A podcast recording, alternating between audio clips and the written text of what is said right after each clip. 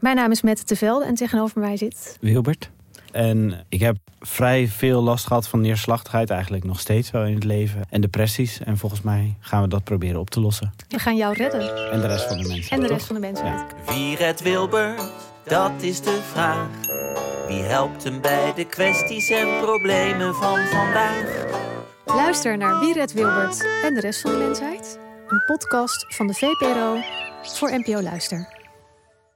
De nieuwe Nederlandse musical Onze Jordaan van Diederik Ebbingen is dit najaar in de theaters te zien. Koop nu uw kaarten op onzejordaan.nl. Leuk toch?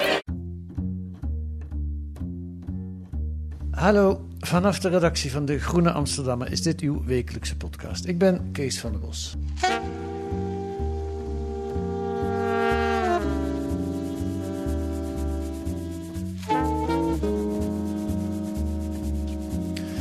We hebben een nieuw regieakkoord, of coalitieakkoord heet het nu. Het kabinet is op komst.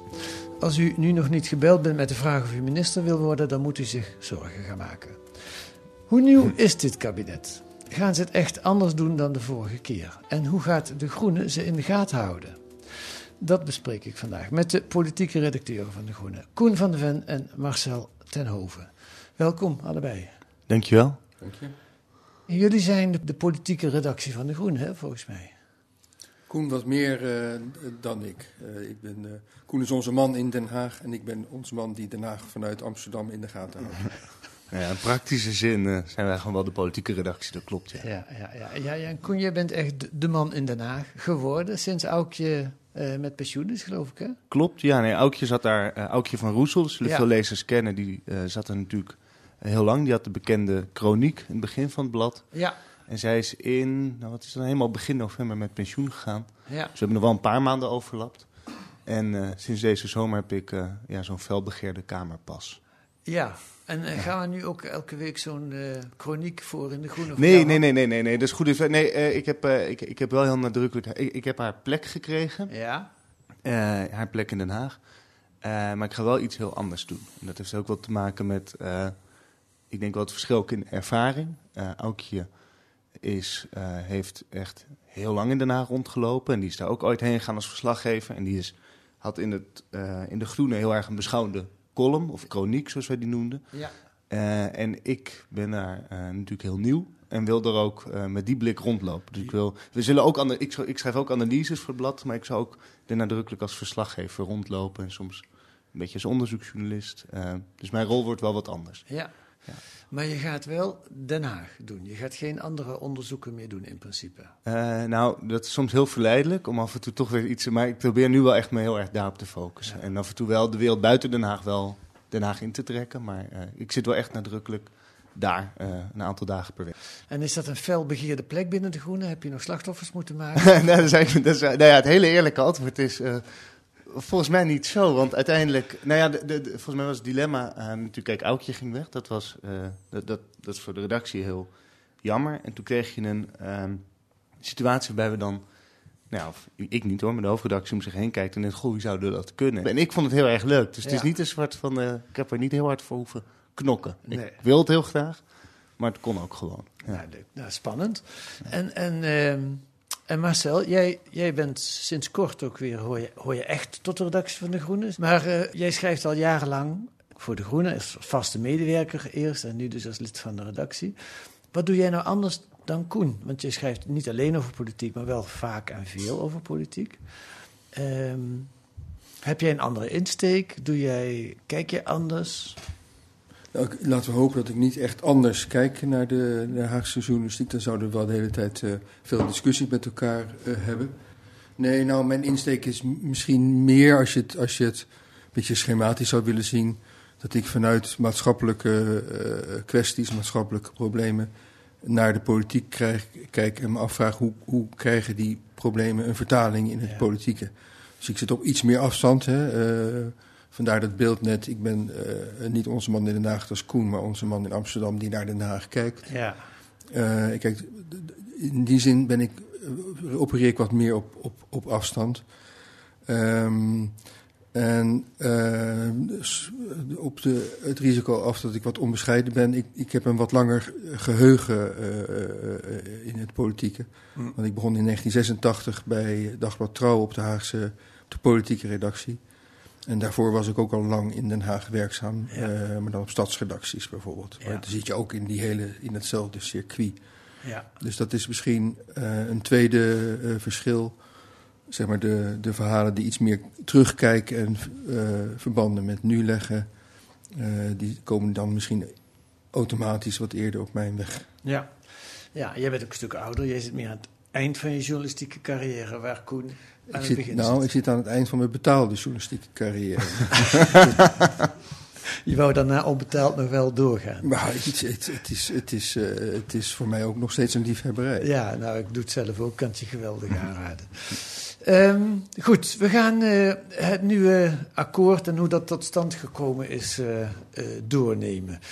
Nou, eerst maar over hoe dat tot stand gekomen is. Ehm, wat daarin opvalt is hoe PvdA en GroenLinks vakkundig eh buitenspel zijn gezet. Ehm, ik begin bij jou, Marcel. Hoe, hoe, hoe kon dat gebeuren?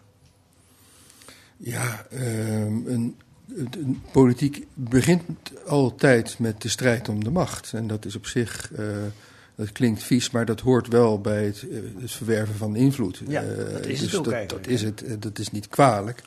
En CDA en VVD hebben dat deze keer heel hard eh, gespeeld door consequent ehm, te blijven weigeren Ja. eh, die coalitiesamenwerking met die beide linkse partijen aan te gaan. Waarom zouden ze dat nou gedaan hebben? Want op zich, als je kijkt naar het, het, het, het coalitieakkoord, dan denk je, daar hadden GroenLinks en PvdA prima bij gepast. Er zitten een hele, daar komen we straks op, maar nieuwe elementen in, die eigenlijk eh, links te noemen zijn.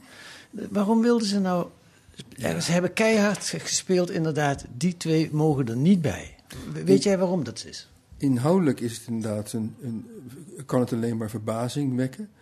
Want als je weet dat de grote problemen van deze tijd eh, plaatsvinden op het vlak van eh, de, spanning tussen eh, milieu en de sociale kwestie. Hoe, hoe, hoe voer je een verstandig milieubeleid dat onvermijdelijk lasten met zich meebrengt op een manier die dus die lasten eerlijk verdeelt? Hm. Dan kom je bij Ja. linkse partijen uit. Dus inhoudelijk is het merkwaardig dat de twee partijen die daar toch het verst over hebben nagedacht, eh, zijn uitgesloten. Dus moet je naar andere motieven gaan, gaan denken. Aan andere motieven gaan denken. Dat is voor een deel speculatie. Maar het ligt wel voor de hand dat CDA en VVD te bang zijn geweest, bevreesd zijn geweest voor het beeld dat ze zich hebben uitgeleverd aan de linkse wolk, zoals Ja, Rutte ja. dat noemde. Ja. Wat een spookbeeld was, want die linkse wolk is tegenwoordig een wolkje eh, in, in, en eh, en dus echt klein. Maar niettemin, eh, het is, de beeldvorming is zo belangrijk geworden in de politiek. Dat ook de angst voor valse beeldvorming of foute beeldvorming bij de kiezers op wie je richt. Een belangrijke rol is eh, gaan spelen. Meer dan vroeger heb ik inderdaad het idee. En dat is hier. Hè, de angst voor de kop in de telegraaf van Rutte. eh, CDA levert zich uit aan links. Ja, ja, ja, want dat hadden ze bij dit regeerakkoord best kunnen... Die kop hadden ze best kunnen maken eigenlijk. Nou ja, dat is natuurlijk de paradox. Hè. Ook, er is een andere, eh, beetje schematische regel in Den Haag. Dat als rechts met links regeert, ze wat meer naar rechts gaan hangen. Ja, krijg je dus een, een rechtser eh, programma. Eh, reageert rechts met rechts, dan kunnen ze zich permitteren wat linkser eh, Ja. buiten de boot te gaan hangen. Nou, Ja. dat zie je hier dus ja. gebeuren. Dus als het over beeldvorming gaat, is het misschien niet zo'n gelukkige keuze geweest. Nee, en ze hebben wel gekozen, ik kijk nu naar jou Koen, ze hebben wel gekozen voor het toch hele rare beeld dat dit kabinet het allemaal anders gaat doen, terwijl ze hetzelfde eh, samenstelling hebben dan als het vorige kabinet. Ja. Dat is toch eigenlijk niet uit te leggen?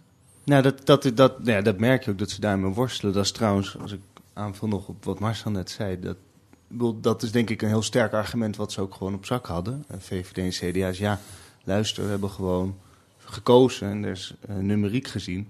Kunnen wij gewoon verder met wat we hadden.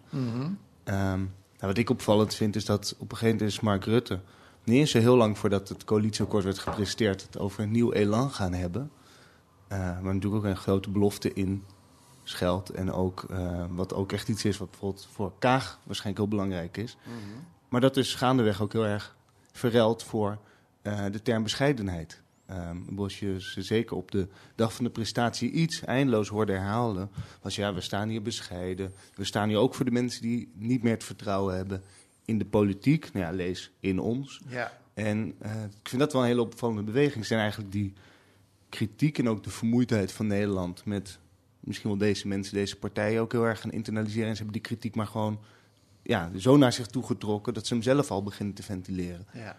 Dat ja. is. Uh, maar we kunnen dus concluderen dat ze het voor lief genomen hebben dat, ze, dat je het rare beeld krijgt: een nieuwe bestuurscultuur met precies dezelfde mensen. En precies, nou niet dezelfde mensen, maar met precies dezelfde Mhm. partijen. ja. En met één belangrijke mens, in elk geval Mark Rutte, die Ja. blijft wel zitten. En dat vinden ze, dat, dat zullen ze, dat is niet makkelijk te communiceren, maar dat weegt minder zwaar dan eh, angst, bezwijken voor de linkse wolk. Kennelijk. En, en ik moet ook wel zeggen, daar zit iets interessants natuurlijk ook in. Is dat, ehm, nou ja, waar ik wel de afgelopen weken veel over nadenk is... Mark Rutte wordt heel vaak gezegd hè, van heeft hij nou wel of geen visie? En er zijn een beetje twee scholen. In de ene school zegt ja, deze is wel degelijk een soort consistente lijn. Dat is namelijk de, het idee die, dat ook een beetje in die participatiesamenleving zit. Van burgers moeten het vooral uiteindelijk zelf doen. Aan de andere kant moet ik zeggen, wat je ziet wat hier gebeurt... en ook als je dat coalitieakkoord leest... Ja, wat daar eigenlijk het opvallendste in is... is dat hij eh, iets aan het doen is wat bijna haak staat... op waarmee hij ooit begon tien jaar Ja. geleden. Dus er zit ook een soort... Ja, hij is bijna oppositie tegen zichzelf aan het voeren inmiddels. Hij is eigenlijk alles wat de afgelopen tien jaar is ingezet... ja. eh, met grote saneren van de overheid, van de publieke zaak... eh, is hij eigenlijk nu allemaal aan het herstellen. Ik bedoel, die term... hadden hem- ik had hem ook in een stuk staan, maar heel veel mensen hebben hem, geloof ik, in stukken geschreven. Het regeerakkoord een repareerakkoord. En dat is een heel. Dus ja, in die zin, ik bedoel, kijk, als we er. We kunnen ook proberen er wat. Nou ja, ook als we onszelf wat verplichten om er wat optimistisch naar te kijken. Ja, er, staat, er ligt ook daadwerkelijk een heel ander coalitieakkoord ja. dan we jaren geleden hebben gezien. En Ja. dat is, eh, of dat we in al die jaren hebben gezien. Ja. Sorry, ik weet niet of dat een antwoord op je vraag was, maar in ieder geval. Eh, dat weet ik ook niet meer, maar het is, het is, het is in elk geval een Het was, over. het was een goed antwoord. Het was een goed antwoord. Ik weet Ja, de vraag. los, los van de vraag was het Ja. een goed antwoord. De vraag kan nauwelijks beter geweest zijn. maar het is, en het is een mooie overgang, want laten we daar eens naar kijken. Dat wordt impliciet eigenlijk door jullie allebei al gezegd, maar laten we het ook expliciteren. Er ligt wel echt iets anders op tafel. Hè? Dat regeerakkoord, kijk naar jou Marcel, dat is wel verrassend in een aantal opzichten. Ja, nee, zeker. Ehm, Ligt het even toe? Voor, voor, voor, waar, waar zit voor jou het nieuwe en het verrassende? het, het verrassende zit hem vooral in het, het loslaten eh, van eh, een soort financiële discipline die eh, Rutte ehm, en Hoekstra nogal streng hebben opgelegd en gehandhaafd. Hè. Vorig jaar zelfs zo streng dat Hoekstra zelfs de Duitse minister van Financiën achter zich aankreeg. Omdat hij eh, zo eh, benepen was in eh, het, het, het, helpen van Zuid-Europese landen die door corona in grote financiële moeilijkheden waren gekomen. dat is wel een En nu, nu zie je opeens die enorme miljarden potten, potten met miljarden gevuld worden voor klimaat, stikstof en wonen. Ja. Er zit ook wel ehm, een, een groot risico aan, aan, aan, aan, aan wat hier gebeurt. Ehm, daar hebben Koen en ik het al eh, over gehad. Wat je, het beeld is een, eh, een coalitie die aantreedt met veel goede wil. Ja. Wat hij hier uitspreekt is de goede wil om die grote problemen van, op het terrein van milieu en de oneerlijkheid op de woningmarkt met grote bedragen aan te pakken. Het- Tegelijkertijd moet je constateren dat, dat de publieke dienst de afgelopen 20, 30 jaar eh, onder invloed van het neoliberale idee dat de overheid eh, zo ver mogelijk moet terugtreden, zwaar verwaarloosd.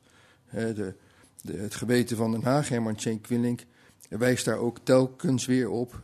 Er is te weinig aandacht voor de uitvoering van beleid. En dat, kan, eh, dat probleem kan hier des te groter worden, omdat er zoveel beloftes uitgaan van die miljardenbedragen, maar tegelijkertijd die publieke dienst nog lang niet op orde is. Dus wat Ja. dreigt is eh, eh, goede wil om ehm, eh, stevig beleid te maken, maar onmacht om het uit te voeren. Eigenlijk het patroon dat je nu ook ziet in de toeslagenaffaire, waar eerst onwil bestond om te erkennen dat de Belastingdienst een misdaad ten opzichte van burgers beging. En nu onmacht om al de slachtoffers daarvan op, op, op een adequate manier recht te doen. Dat ja. beeld kun je, het risico dat dat beeld zich ook nu gaat voortdo voortdoen bij de uitvoering van het beleid dat in het regeerakkoord is overeengekomen. dient zich nu opnieuw aan en in een veel grotere ja. dimensie. Nou, als ik dat mag aanvullen, dat is om even deze twee dingen bij elkaar te brengen. Van dat is ook hetgeen wat denk ik, in geval mij het meest opviel, is dat ook het, de belofte om dit anders te doen. Hè, zoals Marcel het zegt, het is, er zit heel veel goede wil in. Uh, maar, spreekt, uh, maar de vraag die erboven hangt, wat gaan ze doen met de onmacht om dat uit te voeren? Daar opent eigenlijk dit coalitieakkoord mee. Het hele eerste hoofdstuk gaat eigenlijk over...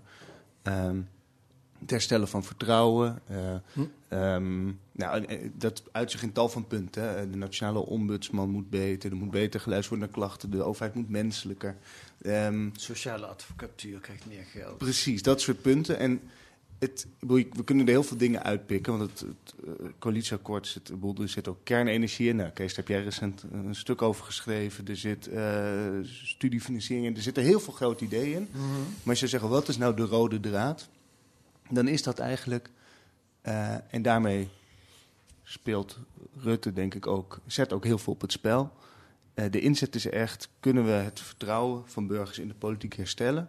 Door te laten zien dat wij wel in staat zijn om uh, dat wat we roepen en doen goed uit te voeren. Hm. En dat is best wel spannend, dat ze dat ook, uh, wij analyseren dat ook zo. We hebben dat denk ik trouwens ook het afgelopen jaar heel vaak beschreven, de groene afgelopen jaren. Maar zij maken dit ook nadrukkelijk, de belofte. Dus, als er, dus je kan zeggen, en ik ben het eens met de mensen die dat zeggen, er zit niet misschien een hele grote visie of een heel groot idee of een hele grote richting in. In plaats van heb je een bundeling van heel veel losse ideeën. Maar er zit wel degelijk een hele duidelijke rode lijn in. En dat is deze.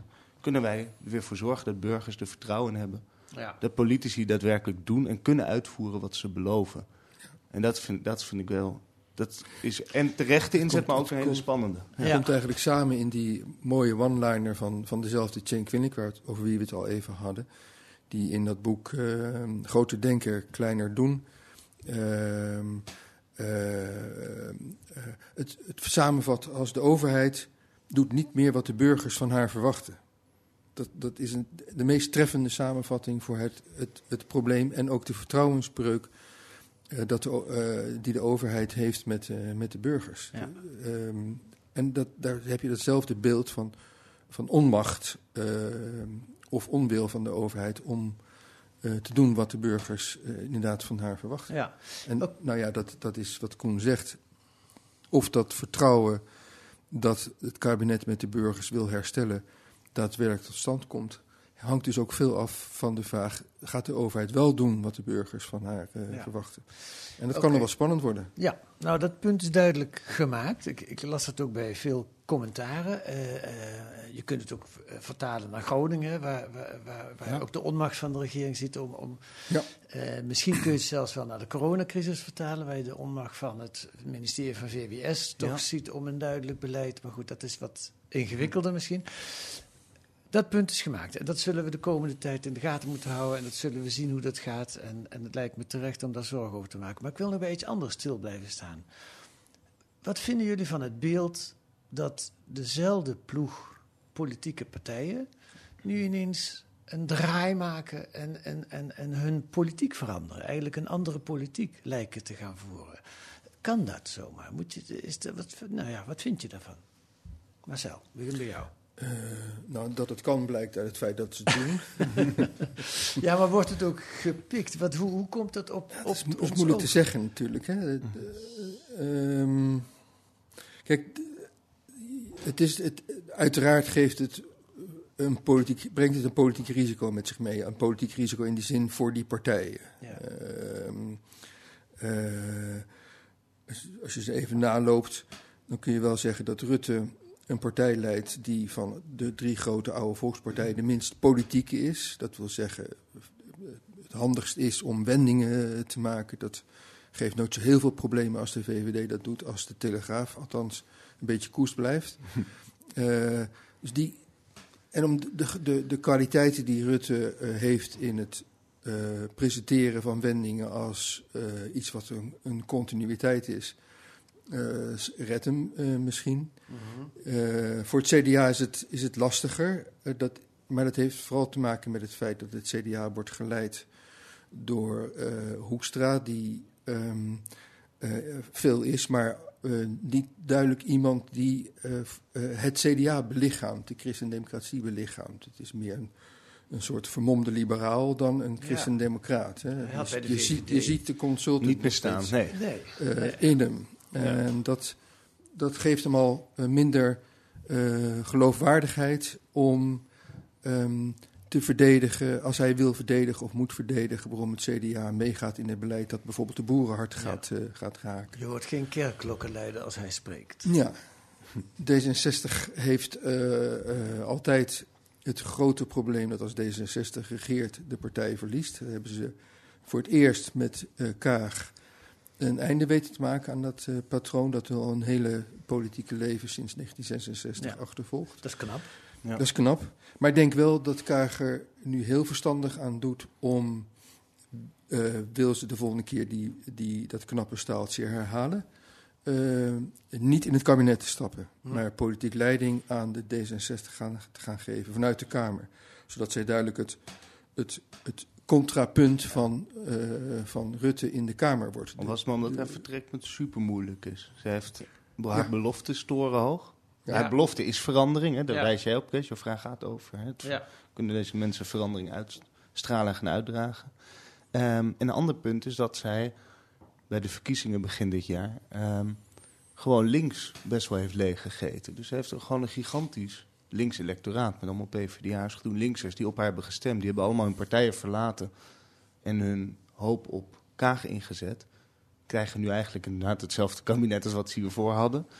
Ehm, dus ik, bedoel, haar vertrekpunt is heel zwaar. En ik, ik onderbrak Marcel eigenlijk in betoog dat het misschien des, des te slimmer is om dan juist vanuit de fractie te gaan zitten. Dat je het in ieder geval kan bewaken en bekritiseren als het wat jou betreft uit de hand loopt. Nou ja, en, en, en ook een, een andere, een, op het scherpst van de snede gaan opereren in die Tweede Kamer. Ik weet nog dat, dat ehm, eh, ehm, even een pauze hè, nu. Ja, een denkpauze. Ehm, Met naam. PvdA-fractieleider tijdens Rutte 2. Samson? Samson. Ja, ja. Tijdens Rutte 2, Die, ja. kan je, die kan je even knippen. Eh, ik, die- weet, ik weet nog dat begin ja, daar dan. dat is, nou ja, dus, dat is, dit is dus die leeftijd. Ja. Diederik Samson zei ooit dat hij als zijn functie eh, als fractieleider tijdens Rutte 2 beschouwde het bewaken van het regeerakkoord.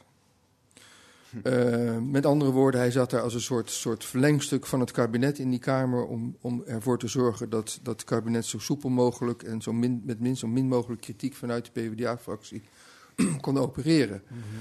Eh, Kaag zou er verstand gaan doen om dat voorbeeld niet te volgen, Nee. maar vanuit de Kamer echt op het scherpst van de snede. Ook dat heeft ze Eh, beloofd. Hè. Ze heeft eigenlijk gezegd, in, hè, er is heel veel aandacht gegaan naar haar schoollezing, waarin ze ja, uithaalde naar Rutte is gezet, waarin ze ook heel veel heeft herhaald van wat ze eerder over Rutte zei.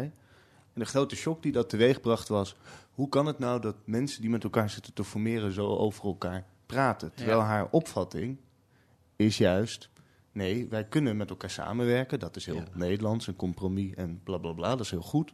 Maar tegelijkertijd moet je elkaar wel kunnen blijven bestrijden Ja. op ideeën. En dat is iets wat bijna haak staat op de politieke Nederlandse cultuur.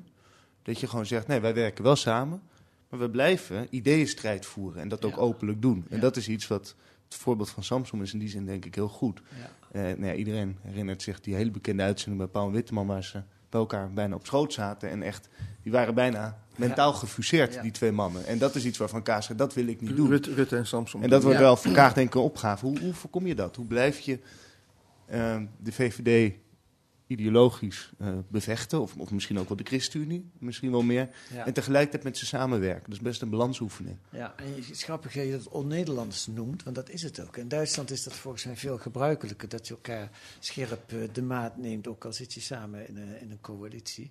Maar Ja. in Nederland is dat echt, dat zou nou een stukje nieuwe bestuurscultuur Ja, dat zou zijn. fantastisch zijn. Maar dat zou ook echt dat zou ook heel goed zijn. Als je het hebt over vertrouwen van burgers in politiek. Of als je een keer wat wilt doen aan het feit dat eh, regeren halveren is, dan zouden dit natuurlijk Ja. oplossingsrichtingen kunnen zijn. Dat je gewoon in die jaren niet inderdaad een soort grijze massa wordt, maar dat je Ja. gewoon eh, Ja. je profiel behoudt. Ja. En dat is niet en alleen maar vanuit opportunistische redenen, maar dat heeft ook echt wel democratische functie. Dat je gewoon ziet dat ideeën blijven botsen.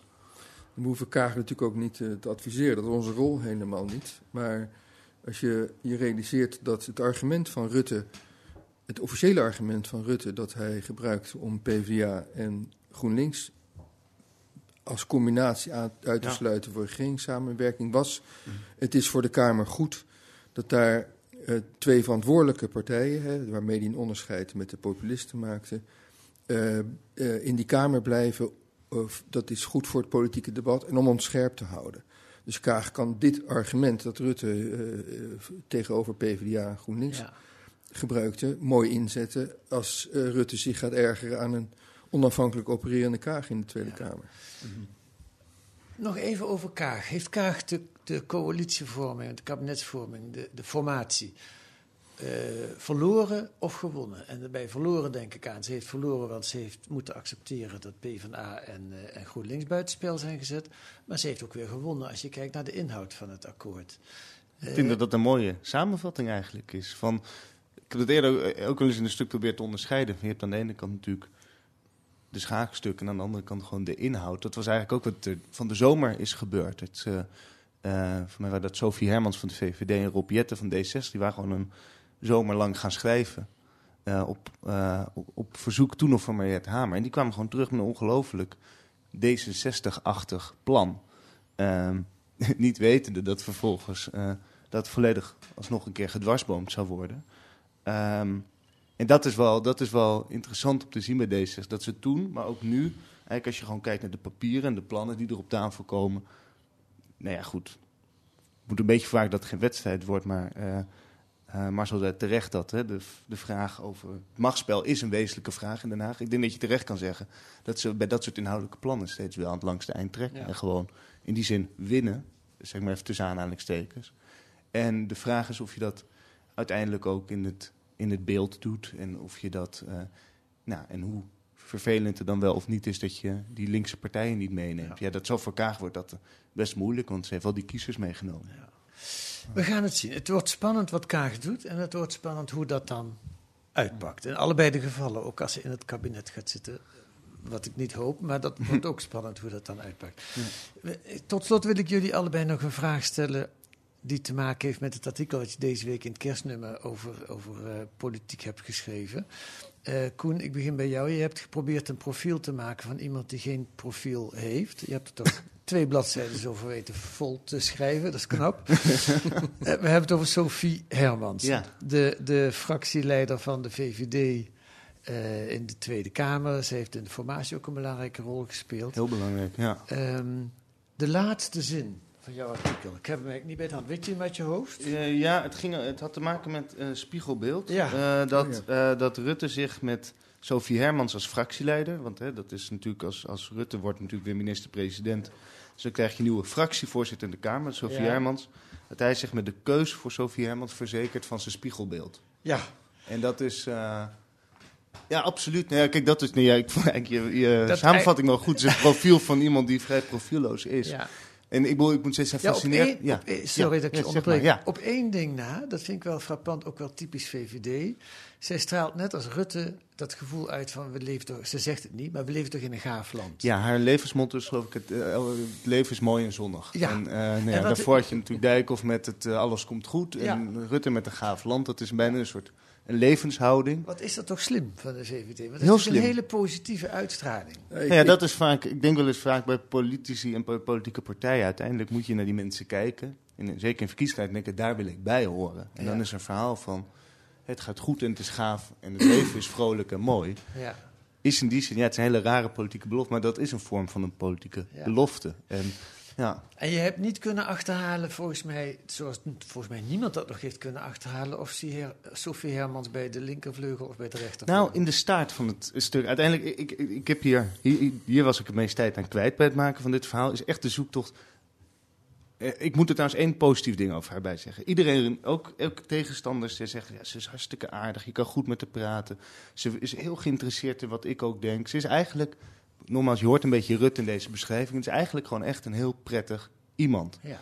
En daar ben ik ook echt wel van overtuigd geraakt. Ehm, Maar uiteindelijk, de vraag die steeds bleef liggen, wat vindt ze zelf? Ja. En daarvoor ben ik ook gewoon heel veel VVD'ers het gewoon gaan vragen. Mensen die met haar hebben samengewerkt, ook van andere partijen. En het meest opvallende antwoord was vaak dat het gewoon secondenlang stil bleef. Uiteindelijk ben ik gaan zoeken, er moet toch iets, ook voor iemand die zo hard werkt, die dag en nacht in deze functie bezig is. Er moet ergens engagement zijn. Je moet ergens, Ja, je moet, je, je moet ergens iets willen. je doet, Eh, je doet het toch met een reden? Precies, je gaat je niet, anders kan je andere banen verzinnen. En toen ben ik toch haar cv afgegaan en dan kom je uiteindelijk, heeft zij wel tien jaar geleden, en ook dat was een grote vergelijking met Mark Rutte, zich bij een soort maatschappelijke organisatie ingezet, dat heet de Publieke Zaak. En daar was ze ongelooflijk bezig met thema's als onderwijs, heel nadrukkelijk, maar ook eh, armoede. Ik geloof het gebrek aan vrouwen in machtsposities, best wel, zou je kunnen- zeggen, sociaal-liberale of zelfs linkse thema's. Nou, een Ja. profiel waar Mark Rutte, wat Mark Rutte ook ooit had toen hij de politiek inging. Ehm, dus daar, daar zit iets, daar, daar zie je contouren. En waarin ze denk ik het meest Ruttiaans is. En dat is ook, hè, we hebben het in dit gesprek gehad over... Hè, van waar zit nou... Kan ook bijvoorbeeld iemand als Rutte... kan je eigenlijk met dezelfde mensen iets heel anders gaan doen... En misschien is dat ook wel het meest consistente wat natuurlijk de VVD heel goed doet. Is dat het een soort partij is ehm, die nooit echt leidt, maar zich laat leiden door dat wat in Nederland gewoon een soort meerderheidsopvatting is. En dat zie je hierin ook. Dus ze vinden zelf niet principieel heel veel, maar hebben, een, eh, en hebben wat minder ideologische ankers. Maar kijken heel goed gewoon naar wat vindt Nederland. En Nederland is gewoon een vrolijk, optimistisch land waarbij het bij de meeste mensen goed gaat. En waarbij ook wel, zodra ineens een- de meerderheid tegen Zwarte Piet is, dan is de VVD dat ook. Als de meerderheid net tegen Europa is, dan zijn ze dat ook. En Sophie Hermans past heel erg, denk ik, in die Rutte-traditie. Dus Ja. dat was, eh, maar goed. Ja. Als, als Rutte in de spiegel kijkt, dan ziet hij Sophie Hermans. Precies. Ik moest, ik moest bij dat beeld wat Koen aan het eind van zijn stuk gebruikt van het spiegelbeeld denken aan Willeke Alberti. Spiegelbeeld, vertel mij even. Ja, ben ik heus zo oud als jij? Ja. Ik hoor een- het. Ja, ja. Ik ga het niet zingen, want dat kan ik niet. maar je kunt je het nog herinneren. Ja, ja, ja maar en waarom zeg je dat? Wat, wat zeg je daarmee? Nou, dat is, dus, dat is toch een beetje een oudbolliger eh, eh, associatie dan je hebt met Ja, eh, ja. een gaafland of vrolijk. Ja, ja, ja. ja. Marcel, jouw stuk. Jij hebt met de drie, eh, met drie directeuren van eh, wetenschappelijke bureaus gesproken. Eh, ik miste D66. Waarom zat die er eigenlijk niet bij? Het had een, eh, ja, moet ik eerlijk bekennen, een opportunistische reden. Namelijk drie gesprekken is gemakkelijker in de ruimte die de, groente, de groente sorry, geeft eh, samen te vatten. Ja. Maar de gedachte er was ook, eh, dit zijn de drie volkspartijen die na de oorlog het meest duidelijk eh, hun stempel hebben gedrukt op de vormgeving van de overheid. Oké. Weet je wat mij het meeste opviel uit jouw stuk, en ik ben benieuwd of dat bij jou ook zo was, die Patrick van Schie, dus de, de, de directeur van het wetenschappelijk bureau van de Telder Stichting van de VVD. Die, eh, dat was nog gewoon een keiharde eh, liberaal in zijn opvattingen. En met keihard bedoel ik, de privatiseringen waren inderdaad niet helemaal gelukt, want ze zijn niet ver genoeg doorgevoerd. Ja. Daar stond ik van te kijken. Hij, eh, Patrick van Schie afficheert zich niet voor niks als een klassiek liberaal. En daar bedoelt hij echt eh, de 19e eeuwse liberale opvatting eh, mee van eh, een overheid is geen oplossing, maar een probleem en moet dus zo klein mogelijk blijven. Ja. Dus en vanuit dat idee redeneert hij consequent en constateert hij dat diensten die. Is het een kikker? Ja. Neem Diensten water. die. Ja, Dat helpt soms. Ja, het helpt. Ja. Consequent re- redeneert hij vanuit dat denkbeeld. De overheid moet zo klein mogelijk zijn. En constateert hij dus dat diensten die eh, half was zijn overgedragen aan de markt. eigenlijk niet terug moeten naar de overheid. Waar, eh, wat nu de dominante opvatting over rehabilitatie van de overheid is. Ja, Maar geheel voor de markt eh, bestemd moeten zijn. ja, ja, ja. En daarmee zit die. Het is een extreem standpunt, ook in de VVD. Ik wil net zeggen, dat is het unieke natuurlijk aan Patrick van Schie. Een ongelooflijk aardige man, maar hij, is ook wel op, hij staat met zijn wetenschappelijk instituut ook best wel wat op afstand van de partij zelf inmiddels. Dus Ja. het is wel, Ja. zoals de Die Beckman Stichting bij de PvdA, dat is vrij hecht. Ja, Eh, Hans Vermilo Stichting bij D60 is hecht. Eh, Ja. Ik vergeet er eentje rijtje. Met CDA ook, Wetenschappelijk Instituut. absoluut. Maar zeker de Telder Stichting is ook wel wat geïsoleerd, zelfs Nou, binnen kijk, de VVD. Op zich, even los van het standpunt van Van Schie, dat zo'n wetenschappelijk eh, bureau van een, een grote partij eh, op, ehm, op gespannen voet staat of inhoudelijk eh, op afstand van de dagelijkse politiek, is niet zo erg als het gaat om het scherp houden van politici. En bij, ideologisch bij de les houden van politici. Het probleem ontstaat als de verbinding tussen dat denken en het handelen in de dagelijkse politiek eigenlijk niet meer zichtbaar is. Of, of zelfs, en dat geldt met name voor, eh, dat geldt eigenlijk voor alle drie de partijen, vanuit de, de politici die leiding geven aan het dagelijks handelen, bewust wordt verbroken. Ja. Omdat het als lastig wordt ervaren, eh, die ideologische bagage. Nogmaals, Maar dat nog steeds vanuit dat idee dat het voor de beeldvorming lastig is als je eh, ideologieën, ideeën aangeeft die op dat moment misschien niet zo goed liggen bij het Nee. electoraat. Ja, dat lijkt bij Patrick van Schie het geval te zijn, maar er wordt toch niet gebroken met hem bij de VVD? Wel. Nee, maar hij wordt wel, eh, voor zover wij kunnen zien, ehm, niet genegeerd, maar wordt het voor kennisgeving aangenomen, Ja, eh, wat hij aan ideeën debuteert. Ja. Ook het Liberaal Revij, het blad van de Telder Stichting, eh, ligt niet in grote stapels in de fractiekamers, eh, kan ik je zeggen. Oké. Dus ja, in die zin breken. eh, eh, hij wordt niet heel serieus genomen. Het helpt ook niet dat het een partij is met niet een... Ja, met ook wel soms vaak een wat lichte weerzin tegen intellectualisme, toch? Ja. Ja, het is ook niet... dat. eh, ja, Socio- Zeker. Ja, sociologen hebben ze ook vooral een hekel aan. dat is verschrikkelijk. Ja. Goed, dankjewel voor dit gesprek. Marcel Tenhoven en Koen van de Ven. En eh, we kijken uit naar, eh, naar jullie artikelen over, eh, over de politiek. En lees hun stuk van Koen, het profiel over Sophie Hermans... en van Marcel, dus het, het gesprek, het interview met de drie directeuren... van de wetenschappelijke bureaus. En dat staat allemaal in een dubbel dikke kerstspecial van De Groene, waarin ook twee prachtige reportages. De eerste gaat over pioniers in Ruslands Verre Oosten. eh, waar de inzet van hordes arme boeren, Sovjetarbeiders en gevangenen niet eh, gelukt is om dat eh, te bevolken, krijgen nu avonturiers met gratis land de kans, een nieuwe poging.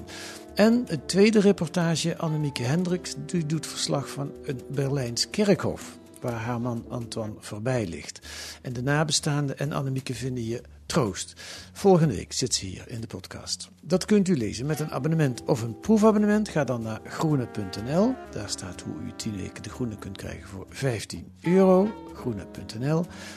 Wilt u reageren op deze podcast, dan kan dat ook. Stuur dan een mail naar podcast.groene.nl. Volgende week zijn we er zoals gezegd weer met Annemieke Hendricks. Deze week werd die podcast gemaakt door Rosa Ibema en Kees van der Bos. En de muziek is een tune voor n van Paul van Kijk.